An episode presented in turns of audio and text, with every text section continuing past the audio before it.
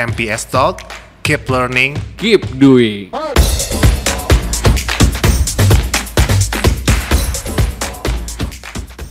Halo rekan-rekan semua, selamat datang di MPS Talk.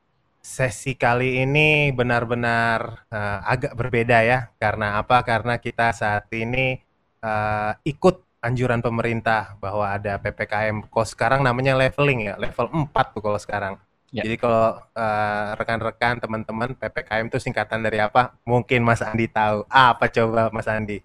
PPKM itu pembatasan? Nih, nggak nggak pernah nonton berita gini nih. Gue nggak nonton berita, gue baca Eh, berita. Masa iya. gue tonton? Oh iya benar juga ya. Jadi PPKM itu pemberlakuan pembatasan Pembatasan. kegiatan masyarakat. Oke, Nah, siap. Gue udah gitu. tahu pura-pura nggak tahu aja. Biar lu yang jawab. Jadi jadi kita saat ini agak berbeda ya. Jadi berbeda kita via Zoom aja. Kita masing-masing di rumah masing-masing. Eh, jadi benar-benar kita ikut anjuran dan benar-benar mengurangi Iya, mengurangi penyebaran betul. COVID-19. Bagaimana rasanya Andi di rumah aja? Eh, pegel ya. Karena kerjaannya Pegel. rebahan doang kayaknya. duduk depan laptop rebahan, duduk depan laptop rebahan, udah gitu kan. Iya iya. Berasa Siap, siap. banget kayaknya. Oke, eh, topik kita kali ini mau bahas apa nih, Mas Rian? Nah, berhubung kita via Zoom, kita coba panggilin eh, rekan ya, rekan, teman, eh, Ya. sah- sahabat, apalah itu namanya. Jadi saya punya eh, teman gitu, dia tuh dari awal saya kenal dia tuh pinter ngomongnya. Oke. pintar ngomongnya, pintar pengetahuannya lumayan bagus, luas dan eh, awalnya dia tuh eh, berkecimpung di dunia rekruter. Oh, Jadi eh, dia di divisi rekrutmen banyak banget dia udah nerima orang ya, ibaratnya dia udah eh, membuka bisa pekerjaan untuk orang lain ya. Nah, Itu heeh, dia. membuka peluang, membuka wah, pastinya ada pengalaman yang banyak ya. Jadi di saat ini nih kita mau eh, bincang sama teman saya ini nih eh, supaya apa? Supaya kita eh, teman-teman atau rekan-rekan sekalian lebih tahu lebih tahu dunia rekrutmen itu kayak gimana. Terus apa eh, bagaimana situasi di pandemi atau di digital ini di dunia rekrutmen kayak gimana gitu. Namanya Jonathan. Oke. Kita kita panggilnya Joe aja. J O E siap, gitu siap. ya. Nah, saat ini kita udah bersama Jonathan. Mana nih Jonathan nih? Coba, Selamat coba. selamat siang, selamat pagi, selamat malam Mas Jonathan. Panggilnya Mas aja ya. Berasa tua dong kalau manggil Mas. ya. Panggilnya Mas Pak, Iya. atau Ses mungkin. Dep- daripada saya panggil Om kan nggak bener. Nah, dia. iya, nanti kesannya malah lain ya. Iya. Kalau dipanggil Om ntar kesannya ngeluarin dompet. Iya. Dan dihadapi cowok-cowok pula. Waduh. Kalau gua panggil bos sudah kayak tukang parkir gua. Mas, Eh bos, eh, kan. Biasanya kan kalau di, kita parkir di Indomaret tuh kita dipanggilnya bos. eh, bos ya. Iya kan? Thank you bos, Thank bos, you, bos. bos. Iya. Cuma gara 2000 aja kita bisa jadi bos. Bang jadi bos. Bener-bener. Oke. Mas Andi, Mas Jonathan, eh, kita saat ini ada di MPS Talk. Jadi eh, lebih ke arah pengembangan diri saat Oh, ini ini. dan Oke. eh, kita sengaja ngadirin Mas Jonathan ini supaya apa? Supaya Mas Jonathan bisa sharing, bisa eh, apa namanya mengungkapkan pengalaman-pengalamannya Mas Jonathan selama di dunia HRD ya. Dunia HRD. Tentunya Iya. dunia HRD eh, luasnya, tapi kita ngerucut dulu Mas Jonathan ke dunia rekrutmen atau rekruter ya. Iya. Oke, Mas Jo, boleh nggak biar teman-teman yang belum tahu Mas Jo, mungkin banyak yang tahu tapi nanti kita kita nyari yang belum tahu aja nih, yang Belum belum, tahu tahu aja, Jon- iya, yang iya. belum tahu Jonathan tuh siapa, Eh, dia tuh siapa, itu apa Jonathan tuh sekarang lagi ngapain sih apa gitu, Iya. Hobinya boleh. apa itu perlu hobinya apa, iya, Jadi kayak di interview nih kayaknya nih. iya. Jadi eh, silakan Mas Jonathan perkenalin dikit aja sekarang Iya. eh, namanya siapa, kerja di mana, udah berapa pengalaman, terus sekarang sibuknya apa? Itu aja dulu deh. Apa? Oh, boleh. Oke, sebelumnya thank you nih udah diajak untuk bisa bincang santai di masa pandemi ini. Jadi ya uh, saya biasa dipanggil Joe. Uh, saat ini uh, kerja di Jakarta di daerah Sunter tepatnya. Uh, total saya di HRD atau di rekrutmen dari 2010 ke 2021. Wow, 11 tahun ya? Sebelah ya, 11 tahunan dan baru uh, mungkin dua tahun terakhir ini sih saya uh, lebih banyak uh, di generalis. Sekarang udah ke apa namanya masalah ke personalia sih, terutama personalia dan uh, rekrutmen yang saat ini lebih banyak uh, saya handle sih seperti itu kurang lebihnya sih. Berarti Dengan, udah 11 tahun ya berarti ya? Ya. Total total ya. Di berbagai industri ya, dari hmm.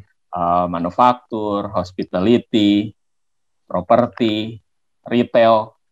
Oh, banyak banyak juga ya bidangnya. Ya. Gitu. Udah ngelotok banget dong berarti nih ya. Sekarang tinggal di mana nih Mas Jonathan nih? Tinggal sekarang di Tangerang. Di daerah Tangerang ya. Di daerah Tangerang, betul. Ini berarti Mas Jonathan ini pekerja keras Mas Andi. Oh, ya. bayangin dari Sunter ke Tangerang atau dari Tangerang ke Sunter ya. Itu melewati berapa kota kabupaten. Iya iya, nggak salah kita pilih bintang tamu nih. Iya. Seorang pekerja keras. Siap, siap. Thank yeah. you, Jonat. Mas Jo. Ah, Mas Andi. Yep. Kira-kira apa yang Mas Andi pengen tahu nih dari seorang nah, Mas Jonathan uh, ini? Mungkin dari yang apa ya? Dari yang biasa dulu kali ya. Pengalaman Mas di dunia HR uh, itu.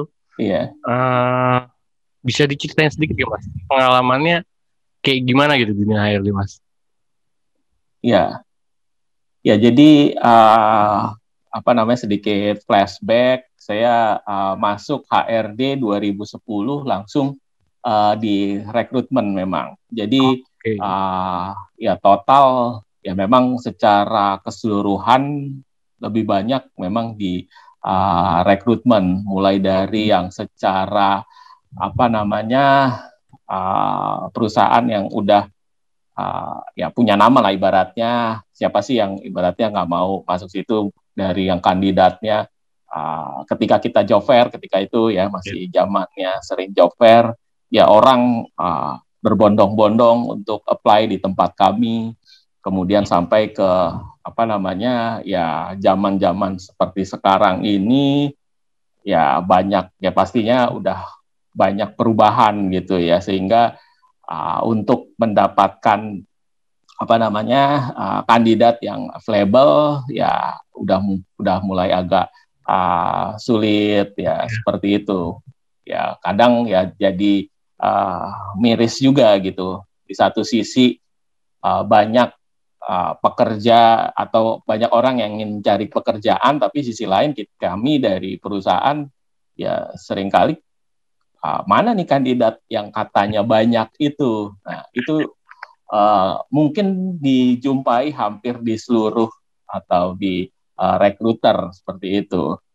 Iya iya iya. Banyaknya kandidat yang ingin melamar sebuah pekerjaan tapi di sisi HRD sendiri mempertanyakan mana nih kandidatnya gitu. Iya kok kayaknya udah kita buka uh, user nggak ada yang cocok ya. Okay. Itu itu yang jadi ya satu tantangan tersendiri pasti ya sebagai seorang rekruter ya. Ya, ya. Oke. Okay. Mas Jo, kita ya. flashback sedikit nih, Mas ah. Jo.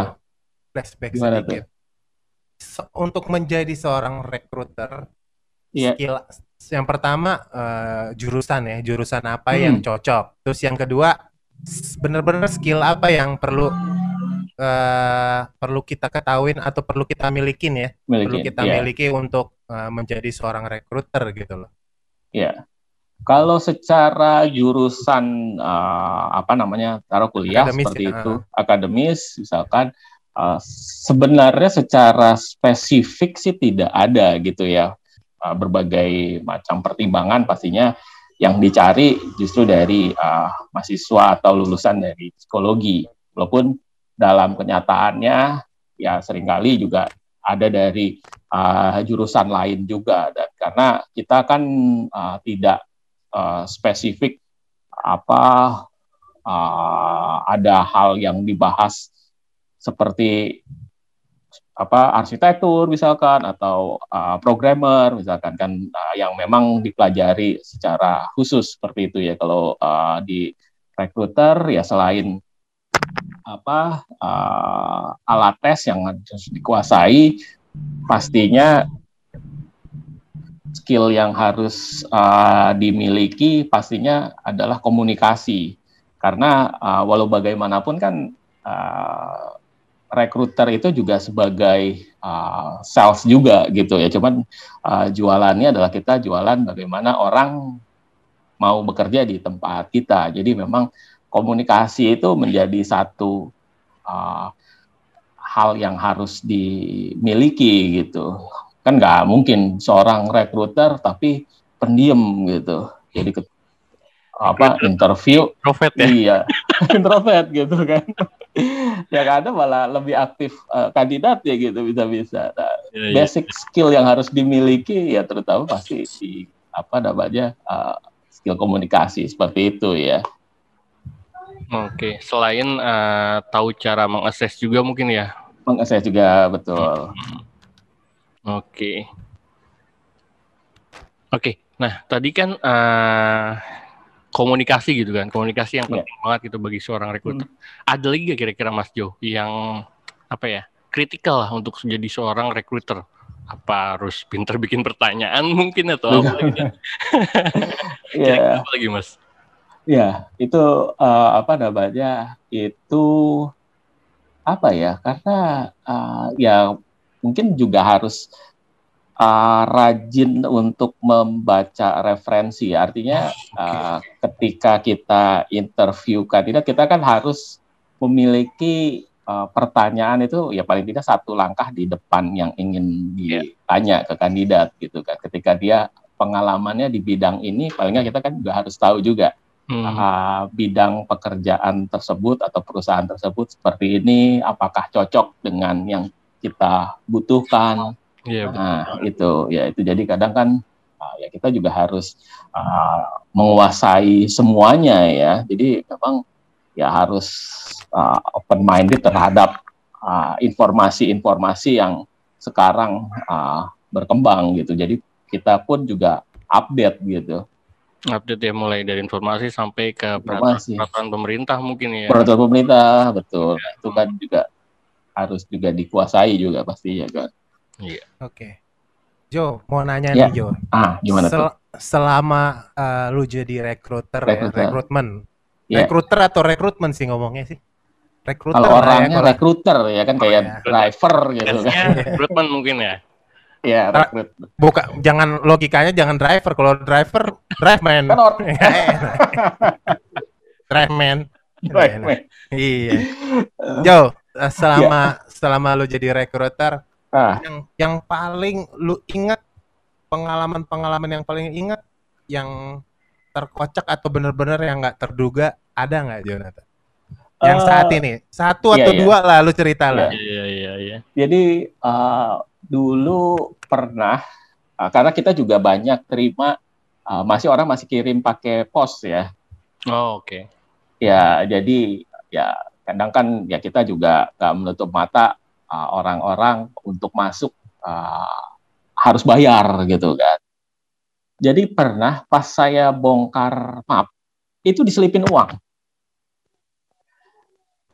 Jadi uh, iya, jadi saya nggak tahu apakah supaya so, uh, rekruternya itu wah mau dapat duit nih dari kandidat gitu kan. Mau ngelamar dipanggil gitu.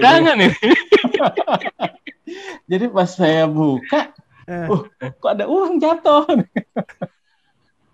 Ya itu kadang jadi satu apa namanya uh, ya saya nggak tahu gitu ya mereka uh, pertimbangannya apa sampai uh, menyelipkan uang gitu. Waktu itu saya masih ingat sepuluh ribu. Mas sepuluh ribu. pas saya yang buka itu kan jadi waduh ternyata. Jadi kan ya mungkin dia juga memberi uh, apa rangsangan supaya oh siapa tahu ini baru dibuka satu sepuluh ribu yang lainnya mungkin ada yang lebih gitu kan. Dibuka lain total nolnya nambah gitu ya. Nolnya nambah gitu kan ya. Siapa tahu biar kadang kan ada juga gitu kan rekruter yang uh, nggak buka uh, kiriman pos maunya yang dari iya. email. Ya mungkin hmm. uh, positifnya seperti itu gitu ya itu bener ya jadi tapi Jonathan nih positif pas ngambil itu mikirnya tuh bu, supaya buka yang lain gitu. Buka yang lain. Uh, iya. Tapi sepuluh ribu itu jadi batagor atau jadi apa? Jadi jadi batagor. Masih dapat tuh batagor. Ya? iya. tapi, tapi ujungnya gimana Jonathan? Lu lu panggil tuh orang atau enggak tuh ya? Enggak lah pastinya, karena dari situ aja kan kita udah uh, lihat gitu. Uh, lu nggak fair lo, lu nggak fair lo, nggak fair lo. Itu udah kelihatan dong, kayak gitu itu tuh udah iya. kelihatan. Kagak, tapi iya. dia nggak fair lo. Udah dikasih duit ceban, cebannya nggak lu balikin. Oh iya juga. cebannya nggak balik gitu. iya, dianya nggak dipanggil. Uh, masa ngirimin jadi minus, gua balikin duit sepuluh ribu, iya. pakai pos gitu. Pos. Rugi. Iya, atau enggak posnya kan misalnya posnya enam ribu, Ya lu balikin empat ribu. Empat ribu. Potong ongkir. Oke, okay. Jo. Gitu. Selain itu ada lagi nggak satu lagi yang benar-benar uh, oh pada saat interview deh. Kalau itu kan sebelum se pra interview sebelum, ya, sebelum. Ya. Nah sekarang yang Jadi, pas lagi interview. Pernah uh, mendekatkan jodoh orang. Waduh. Ya. Gimana jadi gimana? gimana? tuh. jadi dulu tuh uh, apa namanya ada cowoknya tuh jadi udah kerja di tempat saya duluan. Nah, terus kita adalah uh, job fair di uh, Surabaya waktu itu. Surabaya kebetulan memang pas kita pun lagi cari uh, untuk tim di uh, kami di rekrutmen seperti itu. Ada uh, cewek kasih uh, CV karena dulu saya masih kerja di daerah Karawang, uh, kan Surabaya Karawang itu nggak banyak lah pastinya orang yang uh, mau gitu. Pasti ya Surabaya carinya ya dekat-dekat Surabaya ataupun kalau misalkan keluar kota ke kota-kota besar sekalian gitu, Bandung, Jakarta misalkan. Nah, jadi pas waktu itu uh, ada kandidat ini uh, taruh CV, taruh CV Kemudian uh, pas kita buka, kadang kan kita juga uh, screening kilat ya kalau uh, ketika ada job fair gitu, kita buka, kita buka, uh, wah kebetulan pas nih uh, apa namanya uh, yang kita butuhin. Kemudian kita panggil, uh, mau nggak nih kerja di uh, Karawang? Dan terus dia bilang, uh, oh mau, wah jarang-jarang nih cewek uh, dari Surabaya mau ke Karawang gitu kan. Terus uh, kita tanya, udah gitu kita jadwali interview, kita tanya dong apa nih yang membuat biasa kan motivasi, apa sih yang mau buat uh, kemudian bergabung dengan kami gitu. Ya soalnya uh, cowok saya uh, di Karawang gitu. Wah dan ternyata kita juga nggak kenal sebelumnya uh, dengan uh, cowoknya gitu kan. Dan uh, apa namanya iya saya uh, cowok saya ada duluan di sana. Wah berarti pas banget dong kalau gitu uh, bisa ya uh, untuk kemudian ikut atau uh, proses lanjut prosesnya di Karawang gitu kan. Oh ya bisa. Wah di situ. Jadi uh, secara fulfillment kita terpenuhi dan dia juga akhirnya bisa ketemu dengan uh, cowoknya seperti itu. Sekalian biro jodoh berarti ya. Sekalian biro jodoh jadinya. itu dan ya gak, gak, gak, gak banyak lah. Iya iya iya. iya. Kalau gue punya pengalaman lebih parah lagi.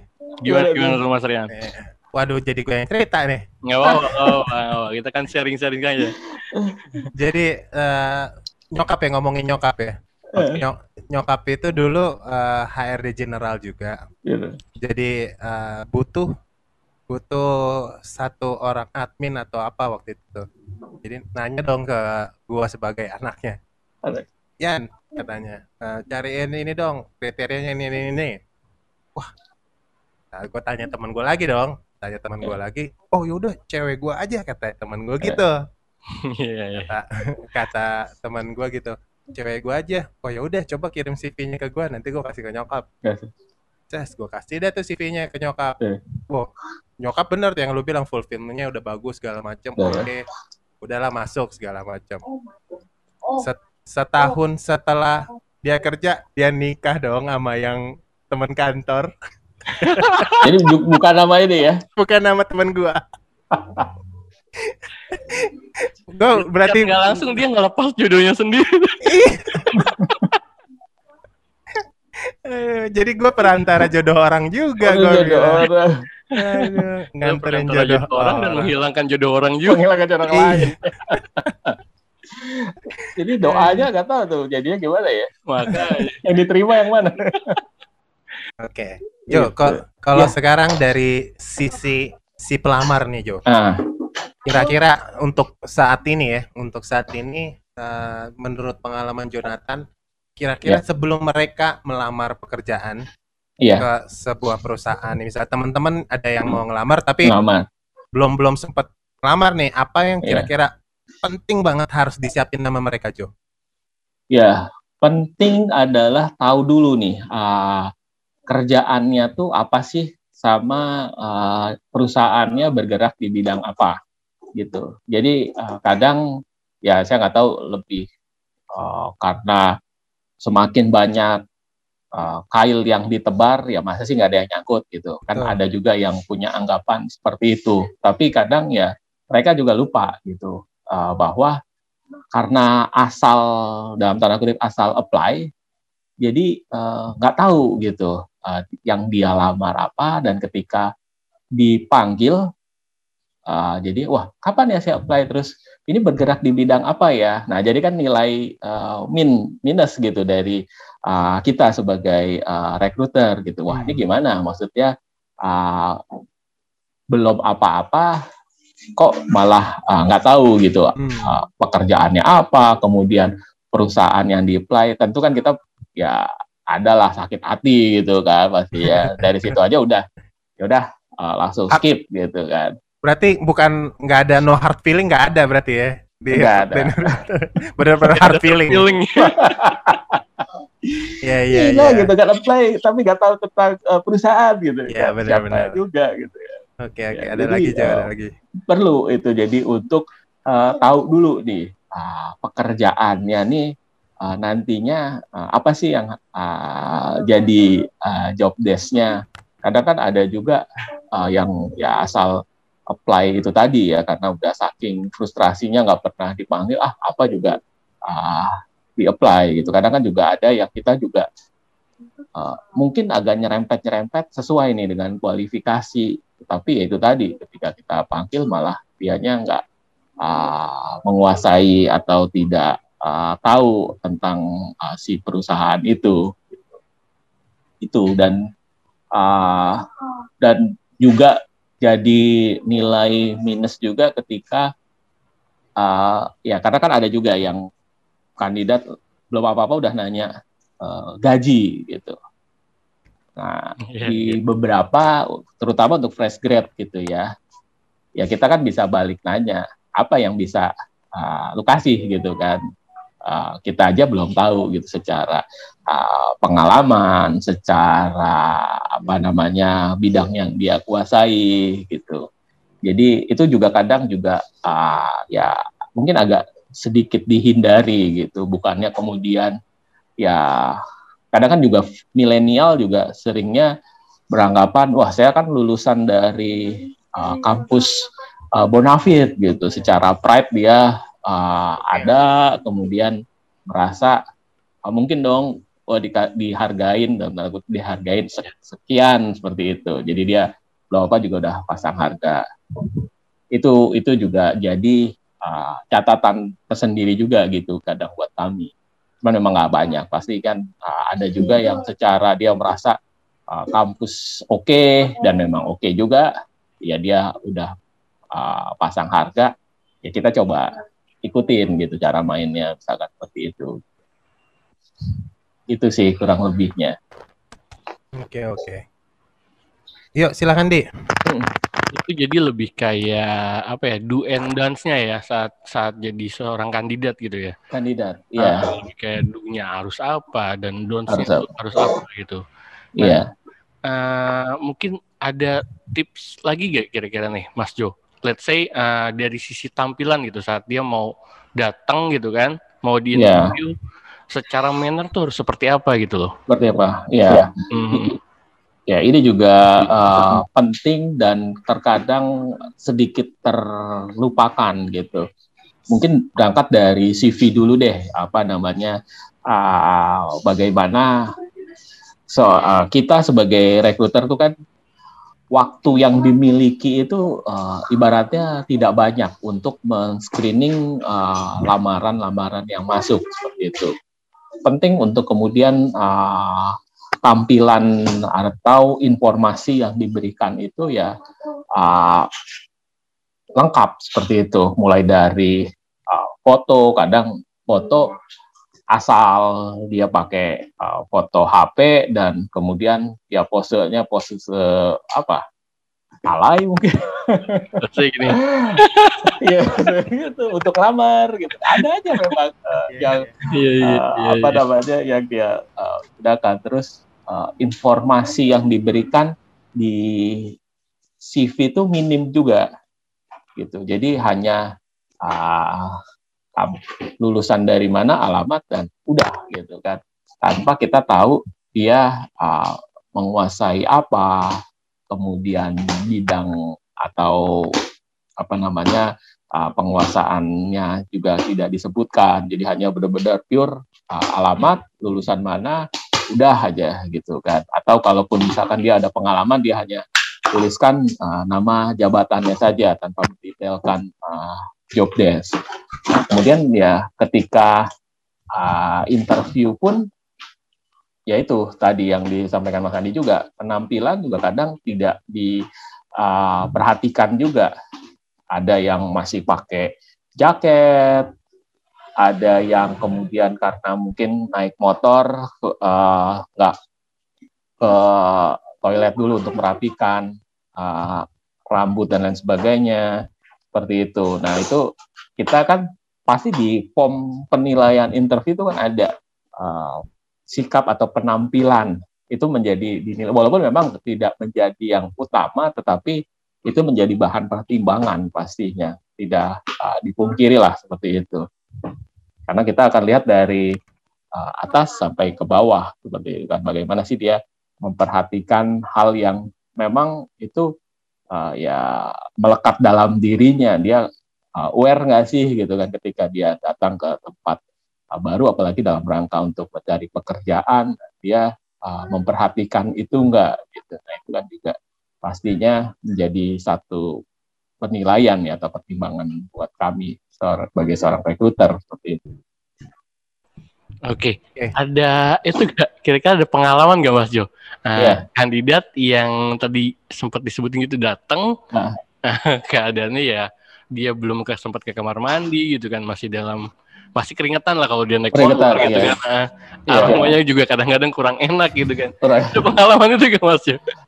Ya ada, karena kalau misalkan eh, iya kalau misalkan saya eh, interview berdua gitu dengan eh, rekan saya, itu biasanya eh, saya langsung chat ke teman saya, Eh, gimana nih? Jadi ya udah kalau misalkan dari situ aja udah enggak, ya pertanyaannya pertanyaan formalitas pada akhirnya untuk ya nggak berlama-lama. Iya iya iya. Iya, iya, berarti penting banget ya tampilan Iya. saat datang untuk interview itu penting banget karena itu jadi apa ya? eh, impresi pertama lah. Impresi pertama, betul. Ya, Oke, oke, oke, oke. Jo, ya. nanya lagi nih. Ini Ah. nih lompat-lompat nih pertanyaan Ah. sorry nih. Jo, kalau eh, seorang rekruter itu kan pastinya kepo ya, Iya, ya kan? Kepingin tahunya tuh tahu. besar, Besar, besar, iya, banget iya, gitu iya. ya. Nah, apa yang harus eh, dipersiapkan sama seorang pelamar?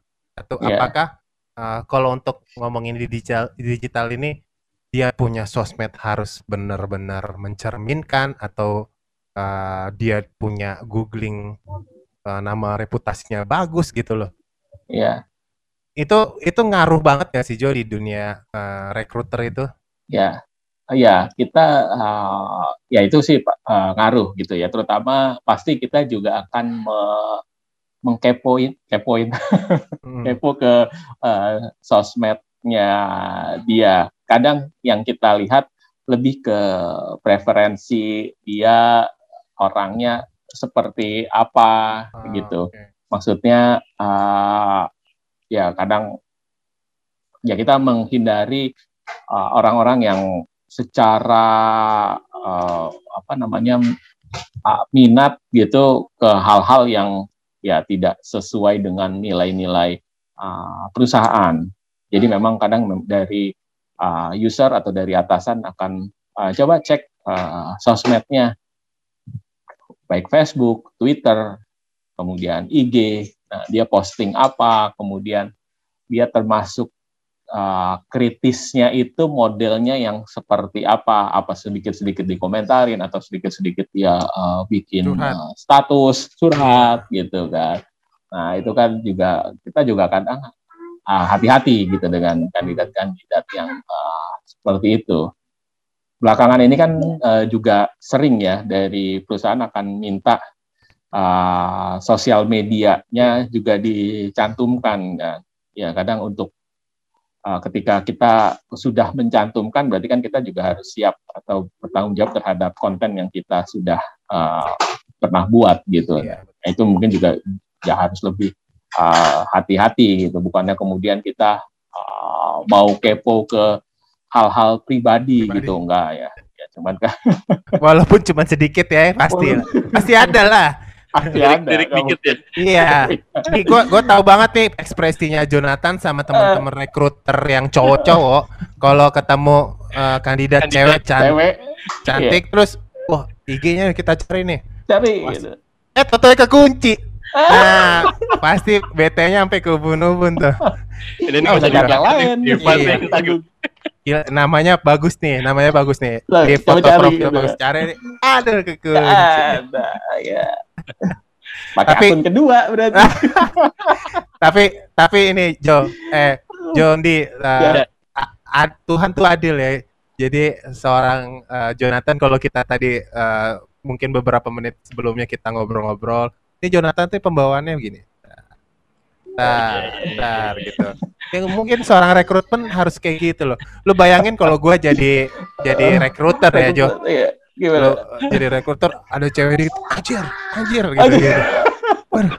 Dia Wah. belum hampir tadi dipanggil ya kalau Jo sini sini. Iya. iya iya iya iya udah bener Tuhan tuh adil ya makanya gue di posisi yang mana ya. gue bukan di posisinya Jonathan ya. mungkin Jonathan begitu juga tapi dalam hati kalau gue kan menerangkan ini, langsung. Ini ya, Tunjukin. Oke oke. Jo, uh, iya. Jo sebelum terakhir nih Jo. Uh. Uh, sebelum kita nutup nutup nih episode ya. Episode ya. Jonathan bisa kasih uh, masukan ya buat teman-teman pelamar. Yang satu buat iya. teman-teman yeah. pelamar pekerjaan, terus yang kedua buat teman-teman rekrutmen yang ada di luar sana. Boleh yeah. kasih masukan nggak Jo? Di di era sekarang di saat ini? Di era saat ini, ya uh, penting yaitu tadi ya sempat saya singgung sedikit ya fokus kita terhadap uh, karir apa sih yang kita mau uh, tekuni gitu. Uh, memang ah untuk fresh grad uh, apa aja dulu deh gitu ya kadang apa ajanya juga ya kita juga harus tentukan uh, goal kita gitu kan kalau misalkan kita mau oh yaudah saya mau jadi admin ya sekarang kan kelas-kelas online gitu kan banyak gitu kan. Apalagi dari uh, MPS training kan juga sering uh, ngadain uh, apa namanya pelatihan-pelatihan. Nah itu uh, ya coba coba tetap diikuti gitu. Sekarang kesempatan untuk mengupgrade diri itu kan lebih uh, terbuka gitu ya. Banyak channel-channel uh, yang memberikan pelatihan-pelatihan uh, baik itu yang basic uh, Excel, kemudian secara soft skill mungkin, nah itu kan juga uh, ya harus kemudian di uh, untuk dilakukan gitu. Kemudian ya itu persiapkan setelah kita sudah tahu goal, kita sudah uh, tahu udah mengupgrade skill kita ya baru kemudian kita tuangkan itu ke dalam uh, CV yang ya pada akhirnya uh, itu bisa dari selebar atau dua lembar kertas itu bisa menggambarkan apa sih yang kita uh, miliki yang kemudian uh, kontribusi yang kemudian bisa kita berikan ke perusahaan yang akan kita uh, lamar. Juga perlu menyampaikan apa namanya uh, deskripsi pekerjaan atau pengalaman yang pernah dilakukan, tapi juga penting juga untuk menyampaikan kontribusi apa sih yang bisa kita lakukan dengan berkaca dari pengalaman yang kita uh, miliki seperti itu untuk kemudian uh, diaplikasikan ke pekerjaan yang uh, baru. Dari situ ya CV apa namanya sudah, kemudian ya ketika panggilan interview ya kita lebih mempersiapkan diri mulai dari penampilan, kemudian apa namanya juga uh, pekerjaan atau perusahaan yang kita lamar itu seperti apa. Jangan kemudian kita nggak cari tahu ketika ditanya tahu apa tentang perusahaan kami, uh, bingung gitu kan. Itu. Nah itu yang kemudian uh, ya hal-hal yang hal-hal dasar lah ya saya katakan yang bisa yang harus dimiliki gitu. Ketika sudah mempersiapkan diri uh, CV kemudian uh, apa namanya psikotes dan uh, interview. Mungkin kalau saya beri sedikit bobot gitu kan. Untuk CV uh, ya kurang lebih uh, sekitar 15% itu memberikan dampak ke rekruter, kemudian uh, psikotes bukan menjadi satu-satunya, tetapi juga itu menjadi penting ya. Sekitar uh, 30-an persen itu uh, memberi kontribusi untuk kemudian uh, apa namanya pertimbangan kami untuk rekrut dan yang menjadi nilai tinggi adalah pasti ya di interview ya. Bagaimana kita juga uh, mengetahui jadi ya kadang kan kita uh, menemukan kandidat yang atau kita sebagai seorang rekruter kena halo efek gitu. wah keren banget gitu kan. Jadi dari sekedar kita atau seorang kandidat itu menyampaikan sesuatu yang wah ya sampaikan juga dengan jelas adalah uh, bukti-buktinya tuh disampaikan. Jadi nggak cuma sekedar uh, meninggikan atau bicara uh, angan-angan gitu. Itu. Dan mungkin kalau untuk uh, rekruter sendiri ya dengan kondisi seperti ini sedikit banyak uh, pas kendalanya pasti ada. Di kondisi biasa aja untuk mendapatkan atau attract kandidat yang qualified yang kita butuhin aja itu uh, butuh usaha. Ditambah dengan kondisi uh, pandemi ini apa namanya pasti usahanya akan jauh lebih uh, apa namanya ya lebih makan uh, tenaga seperti itu. Tapi kita punya uh, beruntungnya beruntungnya untuk yang misalkan kondisi uh, perusahaannya cukup uh, baik mencari pekerja apa aktif mencari kandidat ya pasti banyak uh, kandidat yang saat ini dalam posisi uh, aktif mencari. Nah, itu menjadi satu nilai plus juga untuk kita uh, seorang rekruter untuk perusahaan yang memang masih uh, aktif uh, mencari uh, kandidat seperti itu ya. Mungkin itu yang bisa saya sampaikan, Mas Rian dan Mas Andi. Siap. Oke. Okay. Oke, okay, thank you. Bener-bener okay. ya, Jonathan sih orangnya wise banget ya dia. Makanya. Bener-bener cocok gitu kan. iya, bertata ya.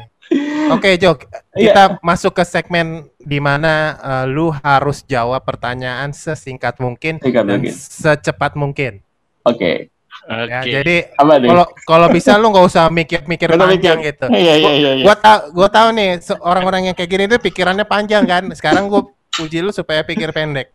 Biasanya Dan- sebelum jawab tuh mikir dulu apa yang harus mau dikeluarin gitu kan. Iya, eh, yang ini nggak boleh, yang ini nggak boleh. boleh ya? Jadi ini anggap aja eh, gua rekruter, lu Iya. kandidatnya. gitu Kandidat. ya. Oke, oke. Kita ganti role ya nih sekarang. Ganti role dia. Oke, Andi silakan Andi. Kita masuk ke segmen ice breaking. Oke, pertanyaan pertama. Let's say, eh, ini Mas Jo sebagai seorang kandidat gitu. Kandidat. Oke. Nah, se- eh, setelah selesai interview, begitu keluar kantor, eh, Mas Jo akan menemukan lotre senilai 100 miliar. Apa 100 yang akan. Mas Jo lakukan? Eh, nggak jadi apply kerjaan. Udah dapat duit 100 miliar gitu. Malah bikin perusahaan. Kalau ditelepon lagi, oh sorry nggak jadi. Gitu. Sombong amat. Oke. Oke, yang kedua nih. Seandainya Jonathan adalah seorang CEO, CEO. apa tiga masalah yang akan benar-benar bikin lu nggak bisa tidur? Tiga masalah yang nggak bisa, yang bikin nggak bisa tidur. Eh, apa namanya eh, karyawan yang pastinya kemudian eh, penjualan menurun dan yang ketiga apa nggak nggak bisa narik duit dari customer. Oke. Mbak, Ke uang ya berarti ya. Uang. Untung ya. kalau kalau misalnya gue minta empat, yang keempatnya takut ketahuan, deh, takut namanya CEO kan, duitnya banyak, ya kan. Bentar, ini Itu yang ketahuan harus- apa ketahuan? Ya lu tau lah berdua lah. Nah, Oke, next question nih, Mas Jo. Nih, Eh, eh, let's say gue adalah seorang interviewer gitu kan. Udah, terus gue ngomong kayak gini, jika kamu nggak diterima di sini, apa rencana kamu selanjutnya? Rencana saya selanjutnya adalah saya mencari pekerjaan yang baru. Standar benar benar. Tapi benar masuk akal. masuk akal, masuk akal. Jo- Jonathan ini orangnya masuk akal ya. bisa ya, Ya, bisa ya. ya, ya iyalah benar kan. Lu gue orang terima ngapain? Gue cari Ngapain? baru. Ngapain lagi gitu kan, yang gue nyari yang lain gitu. Aduh, aduh. Masih Oke, banyak ikan oke. di laut kan gitu. Betul, betul, betul, betul.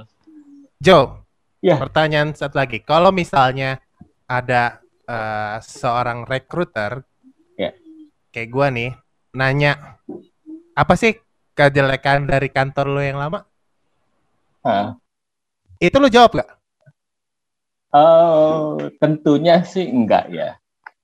Jawabnya pun pasti lebih normatif gitu. Walau bagaimanapun kan ya itu tempat kita waktu itu pernah bersama dan menggantungkan hidup ya ibaratnya. Nah makanya saya suka kalau ada uh, kandidat yang suka jelekin uh, perusahaan sebelumnya ya itu menjadi satu catatan pasti ya maksudnya wah yang dulu aja diomongin apalagi sekarang nih nantinya ya.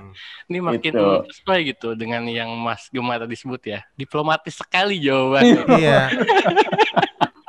Dan dan ini main aman. main aman. Dia orangnya main aman. Dan itu itu itu pun pasti jadi catatan penting buat teman-teman pendengar atau betul. penonton ya. Jadi eh, benar-benar kita nggak boleh nge- ngejelekin Ya. kantor yang lama bos yang lama segala macam nggak boleh. Karena apa? Ya lu mau join sama dia nih. Iya, Hmm. lu ngomong kayak gitu gitu kan, itu benar-benar satu poin yang ya. Iya, iya. Ya. kita nggak tahu ternyata mereka temenan kan di Nah, Oh, kelar deh tuh. Siap, siap, siap. Oke, Jonathan, thank you. Mas Jo, ini Iya. set- setelah PPKM ini, eh, Mas Jo harus janji sama kita bakal main ke studio kita ya, Mas Jo ya. itu dia siap Siap. Nanti kita ngomongin lebih lebar lagi. Mungkin Iya. kita lebih ngomongin ke HRD atau ke ke arah talent division ya. challenge boleh Iya. Oke, Mas Jo. oke thank Dari you kita, thank you, Mas Jo. Sehat terus. Sehat. ya oke Terus sukses makasih. terus sama Amin. pekerjaan-pekerjaannya ya. oke thank you thank you Oke, bye. Yo, bye Mas pamit Jo. Oke. Oke, rekan-rekan, berikut uh, tadi kita udah dengar ya, uh, Mas Jonathan itu seorang uh, rekrutmen atau HRD yang sudah sekitar lebih dari 10 tahun ya, Mas Andi ya. Iya, berkecimpung di dunia HRD. 2010 ya. Iya. Jadi banyak banyak pengalaman yang bisa kita ambil. Teman-teman dan rekan-rekan ambil yang positifnya aja, yang negatif-negatifnya jangan diambil, ya, jangan diambil, jangan didengerin, itu dibuang-buang jauh. Dan mudah-mudahan uh, topik kita kali ini benar-benar bisa ngebantu mengebantu pemikiran teman-teman untuk yeah. Iya. uh, melamar pekerjaan atau enggak menjadi seorang rekruter gitu ya. Ya, yeah, karena banyak banget tips and trik tadi yang dikasihkan oleh Mas Jo mulai dari hmm. untuk sebagai seorang kandidat ataupun Anda sebagai seorang rekruter ya. Banyak banget tips and trik yang dikasih sama Mas Jo tadi. Oke. Okay. Siap. Sampai jumpa di, uh, di next episode-nya. Keep learning, keep doing. Bye. Bye. MPS Talk, keep learning, keep doing.